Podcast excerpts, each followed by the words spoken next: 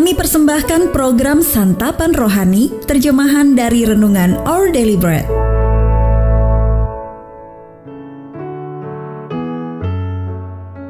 Sahabat ODB, pembacaan Alkitab hari ini terambil dari Mazmur pasal yang ke-68, ayat yang kedua sampai dengan ayat yang ke-11.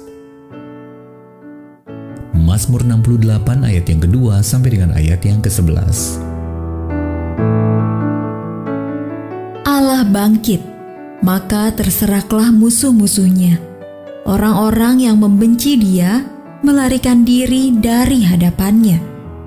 Seperti asap hilang tertiup, seperti lilin meleleh di depan api, demikianlah orang-orang fasik binasa di hadapan Allah. Tetapi orang-orang benar bersuka cita.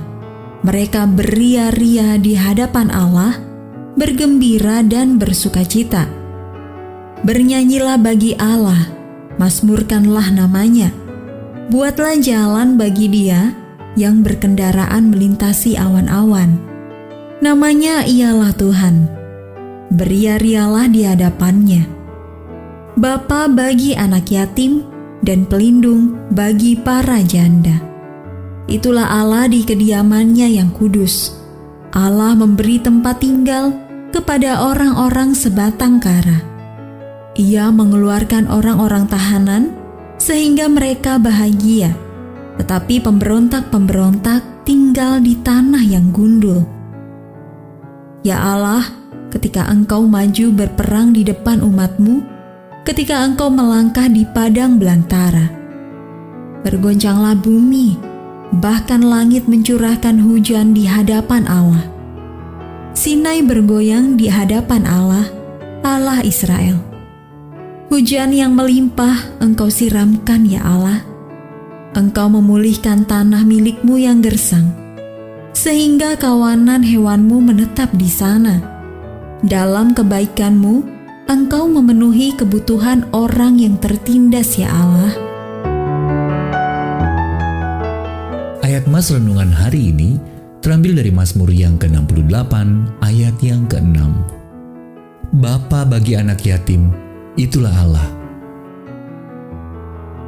Renungan hari ini berjudul bukan lagi seorang yatim, ditulis oleh Win Collier. Guy Bryan hidup melajang dan tidak memiliki anak kandung. Ia bekerja di Dinas Kesejahteraan Anak-anak Kota New York. Dan karena setiap hari ia menghadapi besarnya kebutuhan akan orang tua asuh, Brian pun memutuskan untuk melakukan sesuatu. Selama lebih dari satu dekade, Brian mengasuh lebih dari 50 anak. Bahkan pernah mengasuh 9 anak pada saat yang bersamaan. Selalu saja ada anak yang membutuhkan tempat tinggal, Brian menjelaskan. Saya pikir karena saya memiliki tempat di rumah dan hati saya bagi mereka, jadi saya melangkah saja tanpa pikir panjang.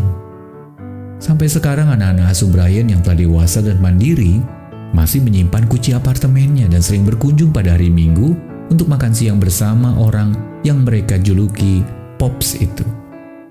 Brian telah menunjukkan kasih seorang ayah kepada banyak orang. Kitab suci menyatakan bahwa Allah mencari orang-orang yang terlupakan dan terpinggirkan, meski sebagian orang percaya mungkin jatuh miskin dan mengalami kesepian dalam hidup mereka. Dia berjanji untuk selalu menyertai mereka. Allah adalah Bapa bagi anak yatim. Mazmur 68 ayat yang ke-6. Jika kita menjadi sebatang kara, entah karena pengabaian atau tragedi, Allah tetap hadir, meraih kita, menarik kita kepadanya dan memberi kita pengharapan. Allah memberi tempat tinggal kepada orang-orang sebatang kara. Ayat yang ketujuh. Dalam Yesus kita menjadi anggota keluarga rohani bersama saudara-saudari seiman yang lain. Apa pun pergumulan keluarga, pengucilan, pengabaian, atau disfungsi dalam hubungan yang kita alami, kita dapat yakin bahwa kita sungguh dikasihi. Bersama Allah, kita bukan lagi seorang yatim. Sahabat ODB apa artinya memiliki Bapak Surgawi yang mengasihi Anda dan tidak akan pernah meninggalkan Anda? Bagaimana dia telah menjawab kebutuhan Anda yang terdalam? Allah Bapakku membutuhkan ayah yang baik, Bapak yang sejati yang tidak meninggalkanku.